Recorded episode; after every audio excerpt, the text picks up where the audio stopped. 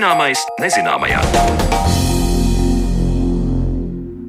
Esiet sveicināti raidījumā Zināmais nezināmajā ar jums kopā turpmāko stundu būšu es Sandra Kropam. Un turpinot lūkoties, kāds bija šis gads dažādās zinātņu nozarēs, šodien mēs pievērsīsimies jautājumiem un svarīgākajiem tendencēm tehnoloģiju jomā. Plašāk saruna par to, kāds bijis 2020. gads šajā nozarē raidījuma otrajā daļā, taču pirms tam stāsts par to, kas ir un kā top viedais tekstils. Aizvadītajās nedēļās mēs šajā raidījumā esam stāstījuši gan par viediem jeb godriem ceļiem, viedām mājām un pārtiks iepakojumiem, bet šoreiz pievērsīsimies viedajam tekstilam. Tas var būt gan zeķes, gan cimdi, gan krekli, kas izskatās gluži kā parasts apģērbs, taču tajos iestrādātie sensori var palīdzēt gan ārstiem, gan sportistu treneriem uzzināt, cik pareizi cilvēks pārvietojas, kāda ir tā stāja un iegūt citu derīgu informāciju. Šādu apģērbu izstrādi veids Rīgas Tehniskās universitātes pētnieki sadarbībā ar citām augstskolām un uzņēmumiem. Ar vienu no pētnieku grupas pārstāvjiem kolēģiem tikās un plašāk par viedā tekstilu nozīmi runāja man kolēģi Mariona Baltkalne. Iepazīstinot ar dažiem viedo apģērbu paraugiem, Rīgas Tehniskās Universitātes asociētais profesors, Dizaina tehnoloģiju institūta vadošais pētnieks un habilitētais doktors Aleksandrs Oks norāda, ka viedie risinājumi kopumā ir kļuvuši par modernu vīziju. Ja runājam par viedajiem tekstilu materiāliem, tad tie patiešām ir viedi, jo tiem piemīt spēja sajust un reaģēt uz cilvēka kustību un citu ārējo stimulu. Par darbu ar šādiem materiāliem un to pielietojumu tālāk stāsta Aleksandrs Oks. Protams, viedie materiāli, viedie tekstīlie materiāli tiek izmantoti gan kā tehniskie materiāli, gan ļoti daudz izmantoti tagad no dizaina virziena vai dažādos pasākumos. Jums ir tāds apgaismojums atkarīgi no mūzikas, no jūsu kustības. Viss tās virziens sākas kaut kur 97. un 98. gadā. Vispār pasaulē, pasaulē, jā. pasaulē jā. Bet eh, jūsu augstskolā? Mēs sākam kaut kādā 5 gadi atpakaļ. Ir skaidrs, ka dažādiem apģērba veidiem būs dažāda funkcija, vai mēs runāsim par zeķiem vai par mhm, kreklu. Ja? Mhm. Vai visiem viedajiem, jeb gudrajiem apģērbiem ir arī kaut kādas vienojošas funkcijas? Nu, piemēram, apģērbs varētu lietotājiem ziņot par to, ka tas ir sasvīdis, vai, piemēram, absorbēt kaut kādus netīrumus, varbūt regulēt uh, termofunkcijas. Ir kaut kas tāds, kas visiem ir kopīgs. Grūti iestrādāt vienu apģērbu, visu, un tas nav nepieciešams. Piemēram, ja jums ir uh, problēma ar stāju, nu, priekš kam jums vajag kontrolēt sirdi, ja? iestrādāt tie sensori vai kaut kādi elektrodi, tā nav problēma. Bet tur ir problēma ar iestrādātie vādi vai, vai elektrovādošie pavadieni, lai dabūtu to signālu un pēc tam signālu apstrādi. Ja jums būs vairāk signālu, jums sarežģītāk to apstrāde, un ja lielāka tā būs elektronika un pēc tam staigāt ar kompi rokā, nu, nav vērti. Un, ja jūs, piemēram, skrējat, ja jums vajag tikai monitorēt no elpošanu, piemēram, un kā jums kājas kustās, un jums neinteresē, kā svist jums vai kā. Nu, nav vajadzīga. Mm -hmm. Tātad to, kam ir jāpievērš uzmanība, to arī mm -hmm. iestrādā. Jūs man rādījāt jau savā laboratorijā, mm -hmm. saprotu, ka jūs strādājat ar eh, krekliem un zeķiem. Tad varbūt eh, vairāk par šīm te funkcijām, piemēram, sāksim ar eh, zeķiem. Kas ir tās kategorijas, kam būtu svarīgas šādas gudrās, jeb viedās zeķes? Es nojaušu, ka tie varētu būt sportisti, bet tas varētu būt arī ikdienas lietošanā, kādiem medicīniskiem nolūkiem droši vien. Nu, es nezinu, cik tas ir ikdienas jebkuram cilvēkam kontrolēt, kā viņš staigā pareizi, vai viņam ir plakana kāja vai kaut kāda cita. Nu, tas es nezinu, vai ir vajadzīgi visu laiku. Bet cilvēkiem, kuram ir problēma ar kustību, vai piemēram veciem cilvēkiem, kad viņiem ir problēma ar krišanu, mm. to var palīdzēt uzreiz. Attiecīgi, zeķis līdzsvaru kontrolē, lai cilvēks nu jā. nekristu. Tā no, nu jā, sanāk, jā. jā, jā. Mm -hmm. Un, piemēram, cilvēkam bija kaut kādas traumas, operācijas, nezinu, ar kājām, vai pēc insulta. Viņiem jāmācās atkal pareizi staigāt. Un tas ir ļoti labs instruments. Sportists pēc traumas. Viņš nepareizi stāv, piemēram, viņš stāv uz pirkstgalam, viņam kaut kas sāp vai uh, liekas, ka sāp kāja, piemēram, un viņš nevar stāvēt, pie, piemēram, uz pilnu kāju. Un viņš nevar to monitorēt, kontrolēt pats. Bet, ja priekš viņam būs ekrāniņš un kāds punktiņš jābūt kaut kāda pareiza vieta, un tas signāls iet no zēkē, viņam tas vieglāk kontrolēt. Viņš var trenēties, lai stāvētu pareizi. Un Nav vajadzīga pastāvīga ārsta novērošana. Tas ir svarīgi. Viens ārsts var strādāt ar dažādiem sportistiem eh, vienlaicīgi, vai fizioterapeits, piemēram. Eh, priekšrocība zekiem, ka viņi nemaina iešanas ainu. Piemēram, ir pārbaudes klinikas kaut kur vai slimnīcas, tās speciālas eh, ceļiņas ar, ar sensoriem kur ortopediskie, ja, kur jums pārbauda tā, kā jūs staigājat. Bet, kad jūs gribat tiešām iet pa tam ceļam, jūs maināt savu ainu. Iešanas ainu. Un kāds speciāli, kad nu, jūs domājat, kā es iešu, nu, tad jūs diezgan stingri tas viss mainās. Bet, kad jūs staigājat ar zēkiem, parasti savā apavē, Jūs varat to monitorēt viegli, jūs aizmirstat par to visu, un mēs redzam reāli, kā tas spiediens sadalījums ir. Tas ir pluss. Kā tad cilvēks, piemēram, uzvelkot tās zeķes, kur viņš pats var kontrolēt to, vai viņš pareizi stāv vai iet? Nu, tas ir uh, atkarīgi no vietas tālruņa aplikācijas. Tas signāls iet uz vietas tālruni, un ot, tas ir mūsu problēma. Mēs izstrādājam instrumentu. Lietotājs varētu būt dažāds. Tā varētu būt ārsti, tā varētu būt sporta ārsti, tā varētu būt sporta treneri. Un atkarīgi no uzdevuma jums jābūt cita aplikācija. Mums trūkst pagaidām daudz tās atgriezniskās saites no potenciāliem lietotājiem vai puslietotājiem. Var teikt, treneris nav lietotājs vai lietotājs ir sportists. Bet, nu, Viedie apģērbi ir starp nozaru risinājums, jo ir vajadzīgs gan pats apģērbs, gan elektronika, gan citi materiāli.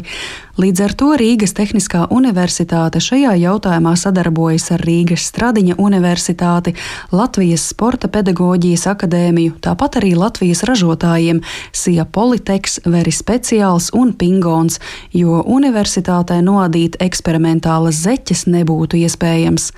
Ārstniecības nolūkos cilvēks gan pie tādām zeķēm tiek ar mediķa starpniecību, jo zeķes iet roku rokā ar speciālām aplikācijām un vingrinājumiem.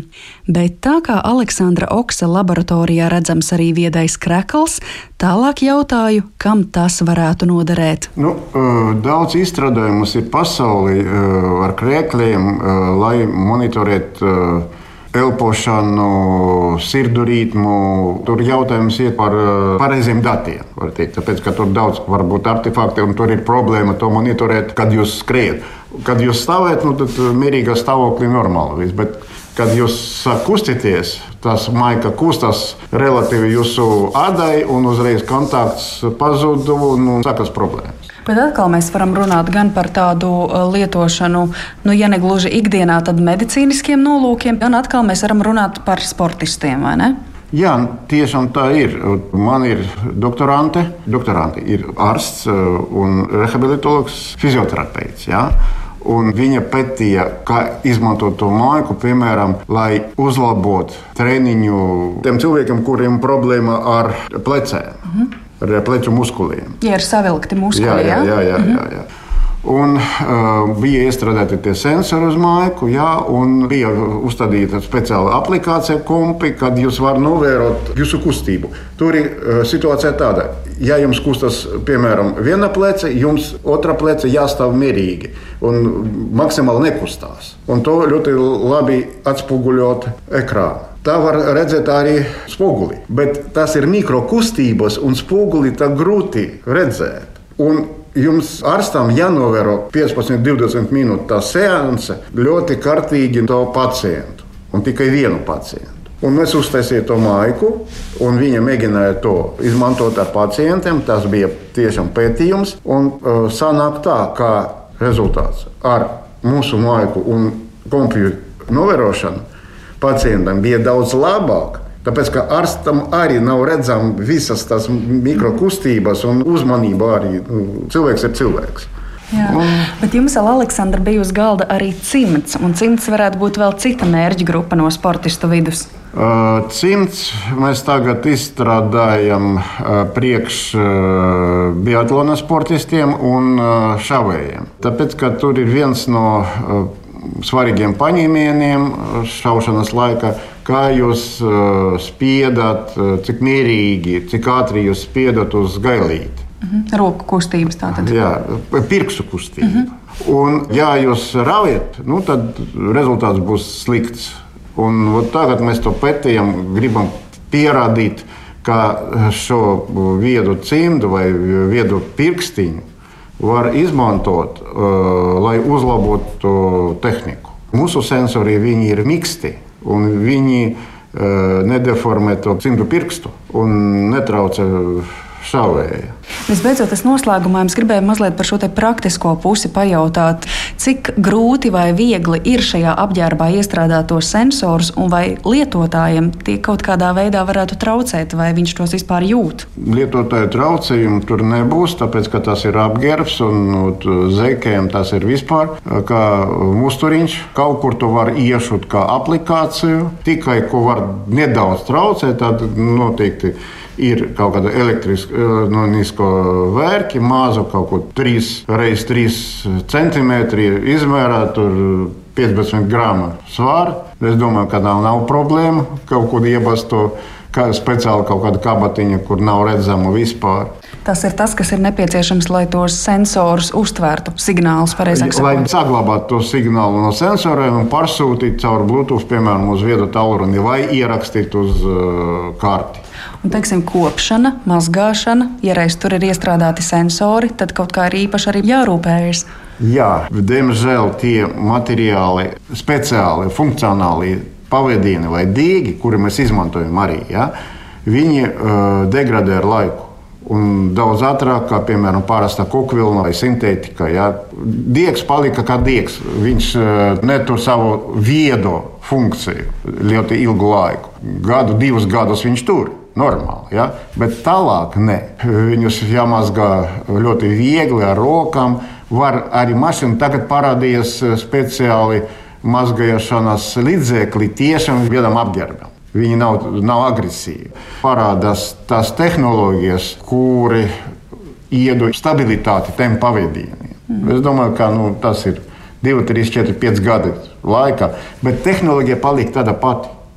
Par viedo tekstilu Latvijas zinātnieku sasniegumiem un izaicinājumiem šajā jomā stāstīja Rīgas Tehniskās Universitātes asociētais profesors, dizaina tehnoloģija institūta vadošais pētnieks un habilitētais doktors Aleksandrs Soks, un ar viņu sarunājās Mariona Baltkalna. Bet raidījuma turpinājumā mēs parunāsim par to, kāds tad bijis tehnoloģija jomā 2020. gads.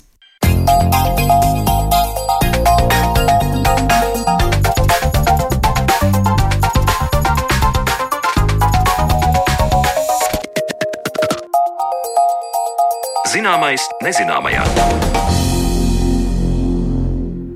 Pandēmijas radītie ierobežojumi šogad daudziem no mums likuši apgūt dažādas tehnoloģijas, un, lai veiktu kā attālināto darbu, tā arī atvieglotu sadzīvi. Vai paliec mājās realitāte mainījusi arī to, kā attīstās tehnoloģijas, un kas tad kopumā ir bijuši svarīgākie atklājumi un sarunu tēmas šogad tehnoloģiju jomā? Mēs meklēsim atbildes kopā ar diviem ekspertiem, kas ir ieradušies, ja tā var teikt, mūsu attālinātajā studijā. Priekšēt redzēt elektroniskie sakara attīstības un klientvadības departamenta direktoru Nēlu Kalniņu, kā arī tehnoloģiju un IT ekspertu Reinu Zitmanu. Labdien jums abiem! Labdien! Vaicāšu jums abiem, kāds jums šis gads ir licies salīdzinot ar citiem? Mēs vairāk kā, novērtējām tās tehnoloģijas un likām lietām, vai vairāk kā, sadalījāmies tie, kuri tehnoloģijas lieto un ir pār, un tie, kuri pavisam noteiktām pretojās un nemaz, nemaz netaisās tās apgūt. Jo, jo gads bija tāds, ka likās, nu šoreiz neviens nevarēja aizmukt no tā, ka kaut kas ir jādara attālināti. Reini, varbūt sākšu ar tevi. Jā, nu, ja personiski, tad nē, es neesmu starā par šo gadu. Es domāju, droši vien neviens cilvēks, kas skatās ziņas, nevar viņu nosaukt arī par gluži normālu.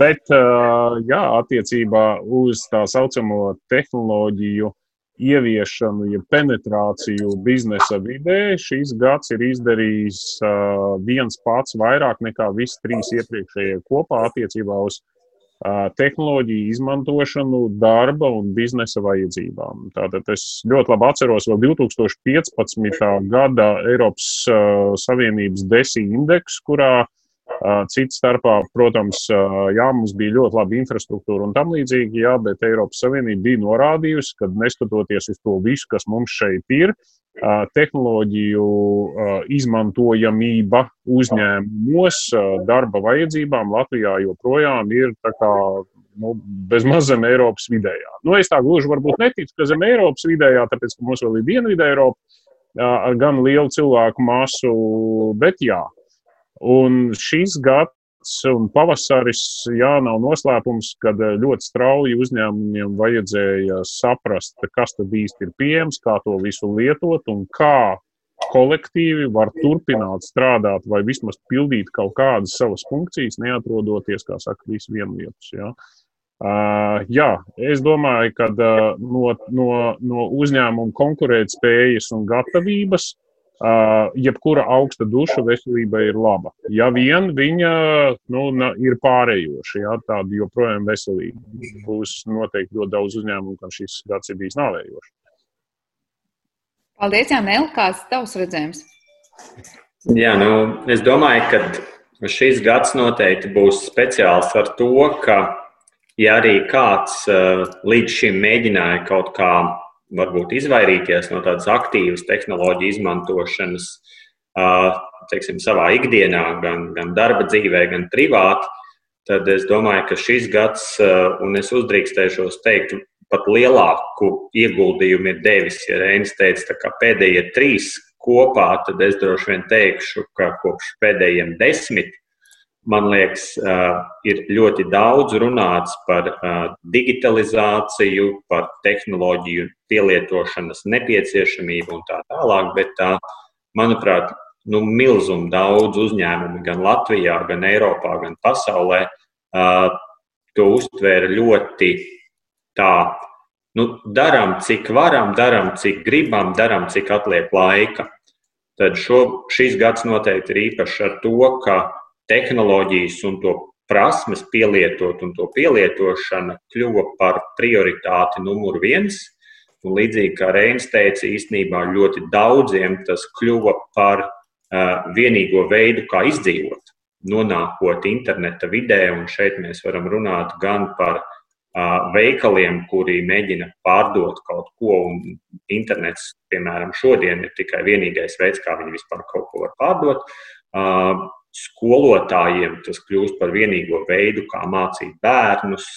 Uzņēmumiem tas kļūst par vienīgo veidu, kā savā starpā nodrošināt komunikāciju un organizēt savu ikdienas aprit, biznesa apriti. Un, un, un valdībām tas kļūst par vienīgo veidu, kā savā starpā komunicēt un pieņemt lēmumus, tā skaitā komunicēt ar sabiedrību un sabiedrībai komunicēt ar valdību. Un tas, manuprāt, ir unikāls precedents, un es domāju, ka šis gads noteikti izdarīja vairāk nekā visas iepriekš rakstītās stratēģijas, plānotie plāni un viss pārējais kopā ņemts. Un es tiešām teikšu, droši tas ir skatoties kontekstā ar pēdējo desmit gadu centieniem digitalizēties. Bet tas vairāk būtu stāsts par to, ka tas bija labs tāds solis, lai piespiestu tos, kuri varbūt nelietoja kaut ko, vai paša, pašai industrijai radīt kaut kādus jaunus produktus, kas būtu piemērots nu, tam plašam digitālo tehnoloģiju lietotāju pulkam. Es domāju, ka gan, gan, jo patiesību sakot, tas viens bez otra jau nevar. Ja, jo, ja nav tirgū pieprasījums pēc tehnoloģiskajiem risinājumiem, tad tikai retā tehnoloģija kompānija uzdrīkstās masīvi investēt un pierādīt, ka tas vai cits risinājums tiešām ir noderīgs. Un no otras puses, sabiedrība, protams, saprata, ka šobrīd bez tehnoloģiju kompānijām viņa dzīvība, uzņēmuma dzīvība bieži vien ir ļoti apdraudēta. Reina, vai nebūs tev cits redzējums par to, kā notiek šogad? Mums daudzi nākuši, kā saka, tādi spērieni radīt jaunus produktus. Jā, es domāju, ka tā saucamajā izmantošanā pielāgošanā un pašiem pielāgošanās procesā. Un, ja ir bijis kāpums tās tehnoloģijas, kuras cilvēki pieprasīja, ņemsim par piemēru to pašu Zoom, kas ir vairāk nekā četrkāršojis savu apgrozījumu, peļņu un izaudzis līdz 2500 darbiniekiem. Viens no straujākajiem vispār tehnoloģiju uzņēmumiem, kas šajā gadā ir audzis. Viņu, jā, bet redz, viņiem, viņiem bija produkts, viņiem bija tirgus, kuram pēkšņi to vajadzēja. Ja, un tā formula bija tik salīdzinoši vienkārša un pretīm nākoša, ka viņi ļoti labi izšāva. Bet daudzas citas kompānijas attiecībā uz jaunu produktu prezentāciju tirgu, jo īpaši ņemot vērā ierobežot tirgus apstākļus, cilvēku, kā saka, spēju to cilvēkiem vispār izstāstīt, paskaidrot, iegādāt, prezentēt un tā tālāk. Es domāju, ka viņiem nogaidoša pozīcija un ļoti daudz jaunu produktu, kuri bija paredzēti šajā gadā, iznākam dienas gaismu vienkārši neieraudzīja, tāpēc, ka tirgus nav gatavs un nav labākie apstākļi, kā to darīt. Turklāt, komandas strādājot attālināti, jā, viņas var brīnišķīgi reaģēt, viņas varbūt var pildīt savus darba pienākumus, bet tā nav labākā pozīcija attīstīt jaunus produktus un radīt inovācijas. Bet varbūt varētu likties, nu, kur problēma mēs pārcēlāmies, var teikt, dzīvot uz Zoom platformu un ar dažādiem video vai straumēšanas paņēmieniem nezinu, prezentēt produktus vai kā citādi tos piegādāt līdz klientam. Tiešām tas ir apgrūtinoši, ja mēs netiekamies klātienē, un vēl jau vairāk mēs runājam par tehnoloģijām. Nu, redz, ja tu esi, piemēram, kaut kādā Eiropas projektā, kur jāsaved kopā uzņēmums un kaut kāds zinātnisks pētnieciskais institūts, lai radītu kaut kādu pilnīgi jaunu es nezinu, ābolu selekciju, fermentēšanas veidu, elektrības uzkrāšanas, kaut kādus transformatorus, kas tur spēja atdot tik un tik kaut kādus gigabaitus milisekundē, ja ko agrāk nevarēja izdarīt. Un tā, es domāju, ka šādām komandām, kur jau tā uh, ir ļoti dažādi cilvēki, ļoti dažādi raksturi, kompetences strādāt kopā vienā telpā zem viena jumta, bieži vien ir izaicinājumi. Uh, tad nu, attālināti jautājums, vai, vai šāda komanda to tiešām spēja izdarīt šādā līmenī, katrs strādājot savā suliņā, savā mājā pie savu datoriņu. Ja. Mm, bet nu, bija, bija arī ļoti labi produkti tā būtība jau ir tāda, ka šis gads ir tikai gads, kad kaut kas ierauga gaismu un tiek prezentēts vai netiek prezentēts. Jebkurš no produktiem, kur jūs šodien redzat, darbs pie viņa ir sākts vismaz divu gadu atpakaļ. Jā, tā tad 19. gadā mums nebija nekāda pandēmija, un šodien, šogad mēs tikai plūcam augļus. Jā, tad tas kritums varbūt tās arī tiks izjusts vēl varbūt tās gadu vai divus uz priekšu, jā, pat cik šajā gadā varbūt nebija gana daudz iesēdzes zemē, lai mēs pēc pāris gadiem redzētu kaut kādas pilnīgi jaunas tehnoloģijas vai inovācijas. Jā. No tā viedokļa mēs esam, mēs esam izmantojuši šo gadu, lai iemācītos lietot to, kas ir pieejams. Bet kopējā attīstības spirālē, jaunās inovācijās, un tā es domāju, ka viņš tomēr ir bremzējošs. Jā. Nu, šeit droši vien ir divas papildinājumi no manas puses. Pirmais, es teiktu, ka šis gads ir tāds zināms tāds patiesības moments. Jo, redziet, tad, kad ir tāda krīzes situācija, tad mēs lietojam to, ko vajag, un īstenībā nelietojam to, ko nevajag. Un, manuprāt, te ir diezgan svarīgi ja, vērtēt objektīvi to situāciju, kurā mēs esam, un saprast, ka pirmkārt uzņēmums saprata, cik tas ir nozīmīgi, un tad no visa plašā klāsta, es teikšu tā, nenodarbojās ar visādiem turniekiem, bet, bet, bet tiešām ļoti fokusēti koncentrējās uz to produktu, gan izmantošanu, gan attīstību, kuriem ir reāla tirgus vērtība, reāla pievienotā vērtība gan katram individam atsevišķi, gan sabiedrībai kopumā. Otra lieta, kas man liekas ir ļoti būtiska un novērtējama, ir ietekme uz vidi. Tāpēc, ka Es nesaku, ka mums turpmāk nevajag lidot ja, un, un izmantot vēl visādas uh, fosilās degvielas, dzīves transporta līdzekļus, lai pārvietotos no punkta A uz B starp valstīm un tā tālāk.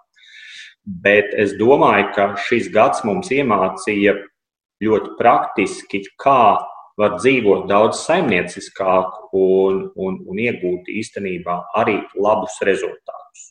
Tas būtu viens tas bloks. Otrs bloks, pie kuras gribētu pakavēties, ir īstenībā balstīts ne tikai uz to, nu, kā mēs šu, jau, nu, jau kā gadsimta tradīcija kļūsi par to, ka mēs tā novērtējam, ko citi ir darījuši. Tad man šogad šis gads bija ļoti interesants, jo nācās arī pašam darīt pārmaiņu pēc. Un proti, mēs organizējam lielāko Baltijas jūras reģiona pasākumu 5G teritoriju, kurš, kā zināms, bija plānots klātienes pasākums. Tur tik un tik simtiem cilvēku no visas pasaules, un viss bija plānots forši. Un tad atnāca Covid, un tad mēs sapratām, ka tas pasākums ir jāpārceļ virtuālā pasaulē. Un, un jāsaka, godīgi, mēs ļoti ilgi uh, domājām, vai vispār šo pasākumu realizēt, vai, vai, vai, vai tomēr atcelt. Jo ir skaidrs viens, tajā brīdī, kad mēs esam klātienē, mēs komunicējam ar piecām maņām. Un tajā brīdī, kad mēs komunicējam šādi, mums īstenībā paliek divas.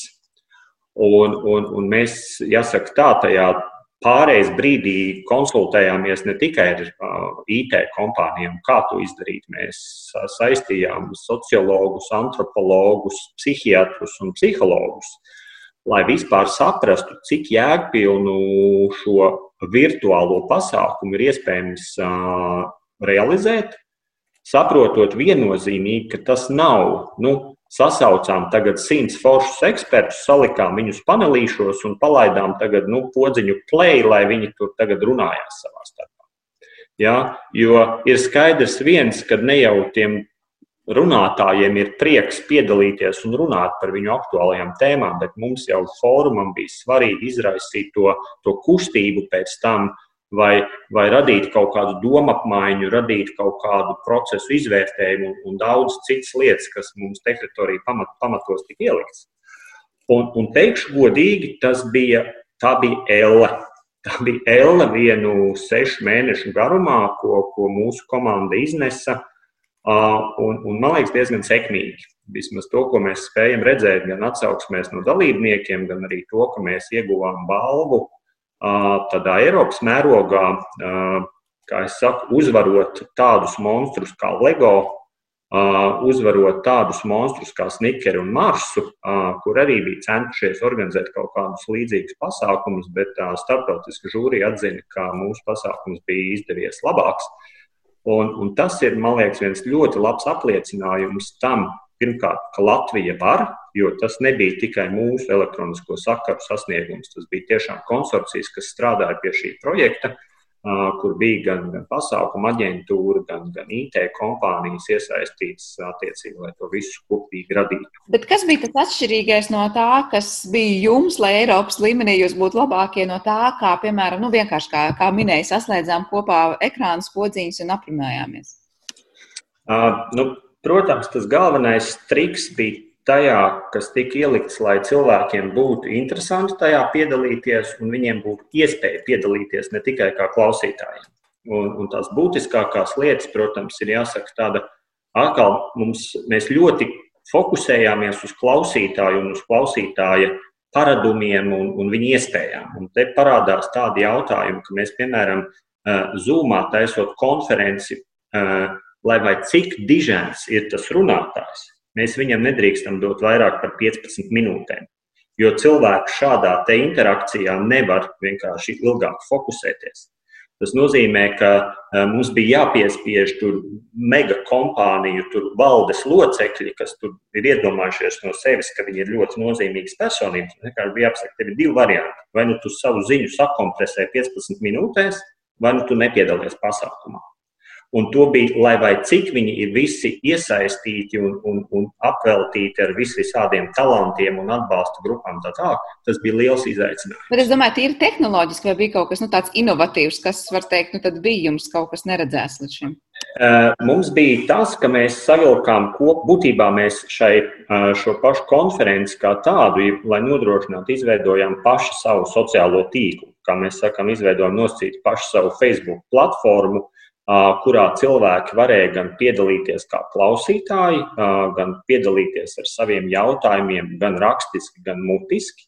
Tas nozīmē, ka piedaloties, piemēram, lektoram no Amerikas, no Vācijas un no Jaunzēlandes, cilvēks no Briseles varēja tā skaitā arī ar savu seju tiešsaistē uzdot jautājumus vai, vai piedalīties diskusijā. Otra lieta, kas ir būtiska, kad viss šis pasākums bija tā kā tāds milzīgs realitātes šovs, proti, jo bija reāla skatuve. Bija reāla skatuve, kur filmēja kameras un kur attiecīgi notika visa aktivitāte, kur daži no Latvijas ekspertiem bija klātienē esoši un moderatori. Un visi pārējie eksperti tika piesaistīti, tātad izmantojot šādu komunikācijas platformu no ārpuses. Un tā, tā veik, tas veiksmes stāsts, tā skaitā tehnoloģisks veiksmes stāsts bija tas, ka izdevās to visu ļoti sekmīgi sasiet kopā un to gala produktu radīt tiešām tādu realitātes šovam pietuvinātu, nevis tādu vienkāršu konferenciju, kā teikt, ko mēs piedzīvojam gan daudz šodien. Gana, gana ticam. Man par to ticamību arī jums nākamais jautājums. Es nezinu, cik tas varbūt Reinis teiktu, jā, daudz kas ir iestrādāts un radīts jau krietni agrāk, bet varbūt šogad izteikti likt par sevi manīt. Šis te fenomens deep fake, proti, kad mums var pretim parādīties reālā seja un liekas, nu, bet cilvēks pilnīgi viss mīmika un mutes kustības runājot ir identiskas un var uzlikt jebkuru tekstu, kas patiesībā liekas, es tagad noticēšu, ka ar mani runā, varbūt Nēls skatās uz mani šobrīd, bet bet Rēnis izdomās, ko Nēlam teikt. Un es noticēšu, ka tas ir Nēls, es ar savām acīm viņu redzēju. Vai nav tā, ka tieši šogad mēs saskaramies ar to, ka mēs pārcēlāmies, var teikt, dzīvotē realitātē, kas ir virtuālā pasaule, kurā mēs ar video, man liekas, viens otru sazinājāmies un starpniecību komunicējām. Un šeit mēs vairs nevaram saprast, kas ir īsts un kas ir deepfake. Kā jūs komentētu, vai tas ir tāds no vienas puses liels tehnoloģiskais sasniegums, no otras puses liels draudz mūsu pasaulē šobrīd, tieši šogad? Es, uh, es neteiktu, ka tas ir šīs gads. Jā, šī tehnoloģija bija pieejama. Uh, šis gads ir interesants ar to, ka tehnoloģija nu, ir sasniegusi tādu līmeni, ka viņi ir pieejami pat bērniem un jauniešiem, kas vienkārši grib viens otru izāzēt. Uh, un dažādas sarunu platformas uh, un nelielas aplikācijas viņa vietāluņos, kas ļauj fiksi sakomplektēt, kaut ko salīmēt, kaut ko palaist riņķī vai nosūtīt viens otram. Uh, es domāju, ka tas līmenis, kas tagad tur no tā vietāluņa video formātā nāk ārā, ir kaut kas tāds, kas mūsu, kā saka, pēcdienestiem vēl desmit gadus atpakaļ nerādījās sapņos. Vai mēs tam ticam? Pagaidām es tiešām ceru, ka tas ir tādā nu, viens otru izāzēšanas līmenī. Ja, ir skaidrs, ka uh, valstis, varas spēcdienesti par šo noteikti saka, pie šī strādā jau vairākus gadus. Uh, bet tad arī tādā līmenī tas viss tiek uzklausīts un vērtēts un, un analizēts un tā. Pārējiem no mums, kā saka, vienkāršajiem cilvēkiem, kas, kas skatās viens uz otru, sarunājoties attālināti vai kas skatās sociālajos tīklos kaut kādus video, es domāju, nākamā gadā mēs redzēsim arī algoritmus no šo pašu sociālo tīklu puses, kas vienkārši mūsu vietā varēs krietni precīzāk izanalizēt vai uh, video ir īsts vai viņš ir radīts jeb salīmēts. Ja? Nereti tā kvalitāte, kurā mēs redzam šo video vai kurā mēs redzam viens otru, viņi ir tik švaka, ka mums ar savu cilvēcisko aci mazā telefona ekrāniņā ir bieži vien ļoti grūti izvērtēt. Kamēr algoritmi ar to brīnišķīgi tiek galā, viņi ļoti labi saprot, vai attēls ir manipulēts vai nē. Bet nu, mēs varam sagaidīt tos draudus, ka tas nebūs tikai tikmēr, kamēr izrāzēsim viens otru sociālajos tīklos vai pajokosim, kā proti mūs sāks sasniegt varbūt ziņojumi ar tagad, nu, es, es fantazēju rēņu seju, jā, un teiks, Sandra, man ļoti, ļoti vajag naudu, es esmu nelaimē. Nu, ko mēs te dzirdam apkārt, ja, kad ir kā mhm. pazīstami cilvēki tevi uzrunā un tu sāc noticēt un, un sāc palīdzēt. Protams, tas būs jauns rīks krāpnieciskajiem kaut kādiem mērķiem. Es domāju, ka viņš jau ir, bet tie krāpnieki bieži vien ir arī kaut kādi algoritmi, kas slēpjas aiz tālām austrumu zemēm, un bieži vien nemaz nav vietējie cilvēki, un viņi ar Google tulkošanas palīdzību un, un visi sādi tur cenšas tur kaut kā un tā. Tas ir tā saucamais social engineering, ka tev, lai tu varētu šādā veidā kādu tiešām piemuļķot, tev jāizdara ļoti liels mājas darbs. Un uh, būsim godīgi, ja kāds tev iet pakaļ šādā līmenī un ir nopietni nolēmis izkrāpt kaut kādu lielu naudu, ticiet man, viņš ir gatavojies, viņš ir pētījis, viņš ir domājis, un visticamāk, viņam arī izdosies. Ja? Uh, savukārt, pret vienkāršiem algoritmiem, kas tagad uh, zvanīs tava privāta banķiera, kurš arī starp citu ir jāzina uh, vietā, Uh, un, un stāstīs, ka jums internetbankā tur kaut kas ir jāizdara, un, un, un, un kas tik vēl nav. Uh, Uh, nu, jā, tādi būs, bet vai mēs visi ir, ir vienmēr cilvēku daļa, kas, kas, kas tam noticēs un izdarīs un neapšaubīs to. Ja? Uh, kas varbūt akli dara to, ko viņiem saku, un, un, un, un tā sabiedrības daļa savukārt, kas varbūt tās ir bijusi paku zinošāka, viņai būtu jāspēj palīdzēt šai otrai sabiedrības daļai un to nosargāt. Uh, krietni bažīgāk scenāriji ir uh, nu, te ir atkal valsts iestādes, cik ļoti mūs sargā. Jā, tāpēc, kad uh, krietni teiksim, nejaukāks scenārijs ir uh, gadījumā, ja uh, es ielaužu ēteru laiku un izmantojot uh, uzģenerētu premjerministra seju Latvijas iedzīvotājiem, paziņoju, ka mums ir tāda un tāda situācija un visiem nekavējoties jāatstāj mājas vai kaut kas tāds, vai, uh, un tā tālāk, jā, un skatos, kas notiek ar sabiedrību. Uh, nu, šādi scenāriji ir nepatīkamāki. Ja, un, un es domāju, tur drošības iestādēm ir jābūt gataviem uz krietni lieliem pārsteigumiem. Tāpat es pieņemu, pirmsvēlēšana laiks būtu jebkurā valstī arī interesanta nu, platforma, kurā skatīties, lai šādas, te, var teikt, tehnoloģijas sasniegumi netiek izmantoti. Jo nu, es pieņemu, kādas sekas varētu radīt tas, ja prezidenta kandidāti tiek. Es tev piekrītu, bet priekš tā prez, kandidātiem pirmām kārtām ir vajadzīgas smadzenes un tehnoloģiskās spējas, lai kaut ko tādu izdarītu. Un ja viņiem tāda nav, un bieži vien viņiem tāda nav, tāpēc mēs redzam teātrālus šovus, nevis tehnoloģijas, jā, kas mums tur sociālās tīklos notiek notiek, tad viņiem jābūt gana lielai naudai, lai noalgotu uzņēmumus, kas spēj to izdarīt viņu vietā. Un arī naudas viņiem bieži vien tam nav. Vēl arī goda prāts, manuprāt, redzīt, nu, ir skaidrs, ka kompānijas, protams, ir gatavas pelnīt un pelnīt par katru naudu, bet man liekas, tas, ko Reinis minēja, es domāju, te, ir, te parādās divas lietas. Te parādās, ka kompānijas tomēr viena liela daļa ir uh, sociāli ļoti atbildīgas. Un, bet otra lieta, kas ir vēl svarīgāka, kas īstenībā arī caur šo jāsaka, tā, vīrusu laiku mums iedod vēl papildus uzdevumu un pierāda sevi, ir kritiskā domāšana. Ir tas, tā lieta, kas ir salīdzinoši maz saistīta ar tehnoloģijām. Bet tas, kas mums notiek šobrīd apkārt, tādā ļoti intensīvā veidā pierāda to, cik mums patiesībā pašiem ir jābūt apveltītiem ar kritisko domāšanu, un viņa galvenais jāizmanto šad tad.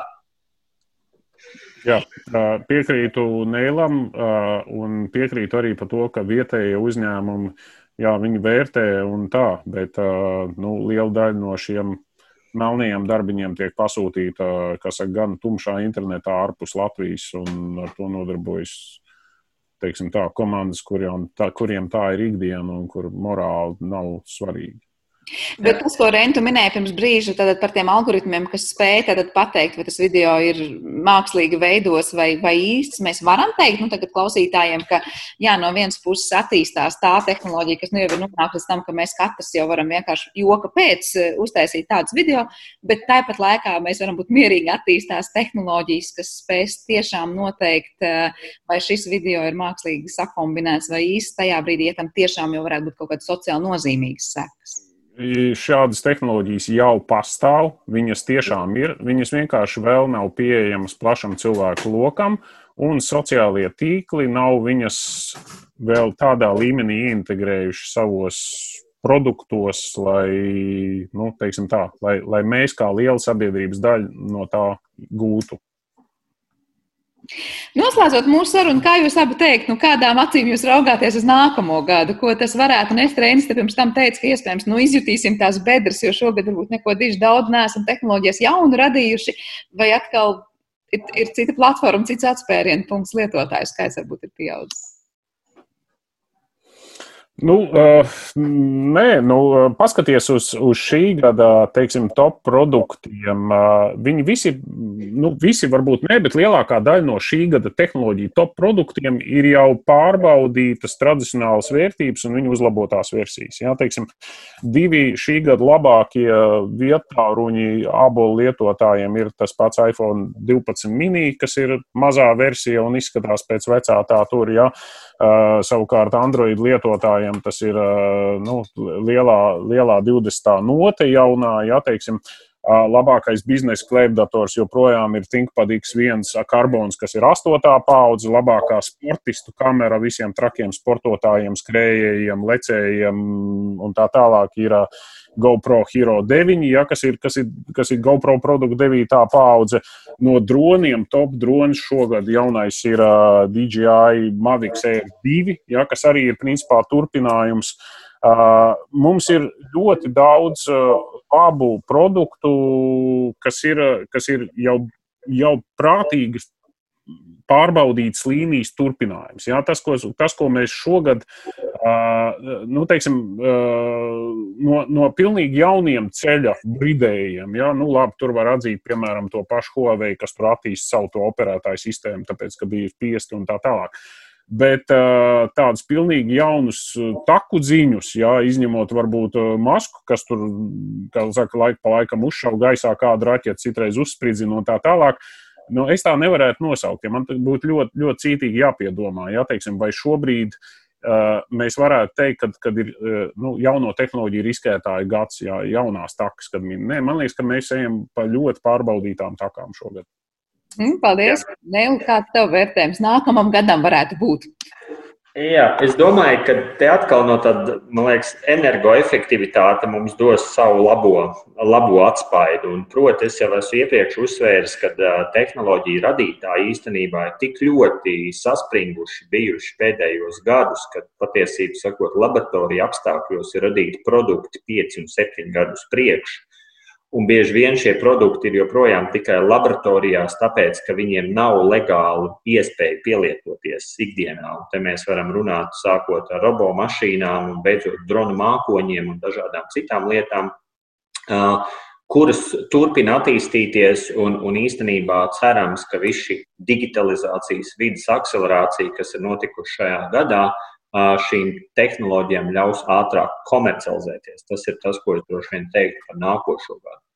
Vēl viena lieta, kas atkal, un es tā jūtu, ka no katras šīs mūsu sarunas mēs savā veidā esam par tehnoloģijām, bet ar vien vairāk saprotam, ka tehnoloģijas jau sen vairs nav tikai par tehnoloģijām.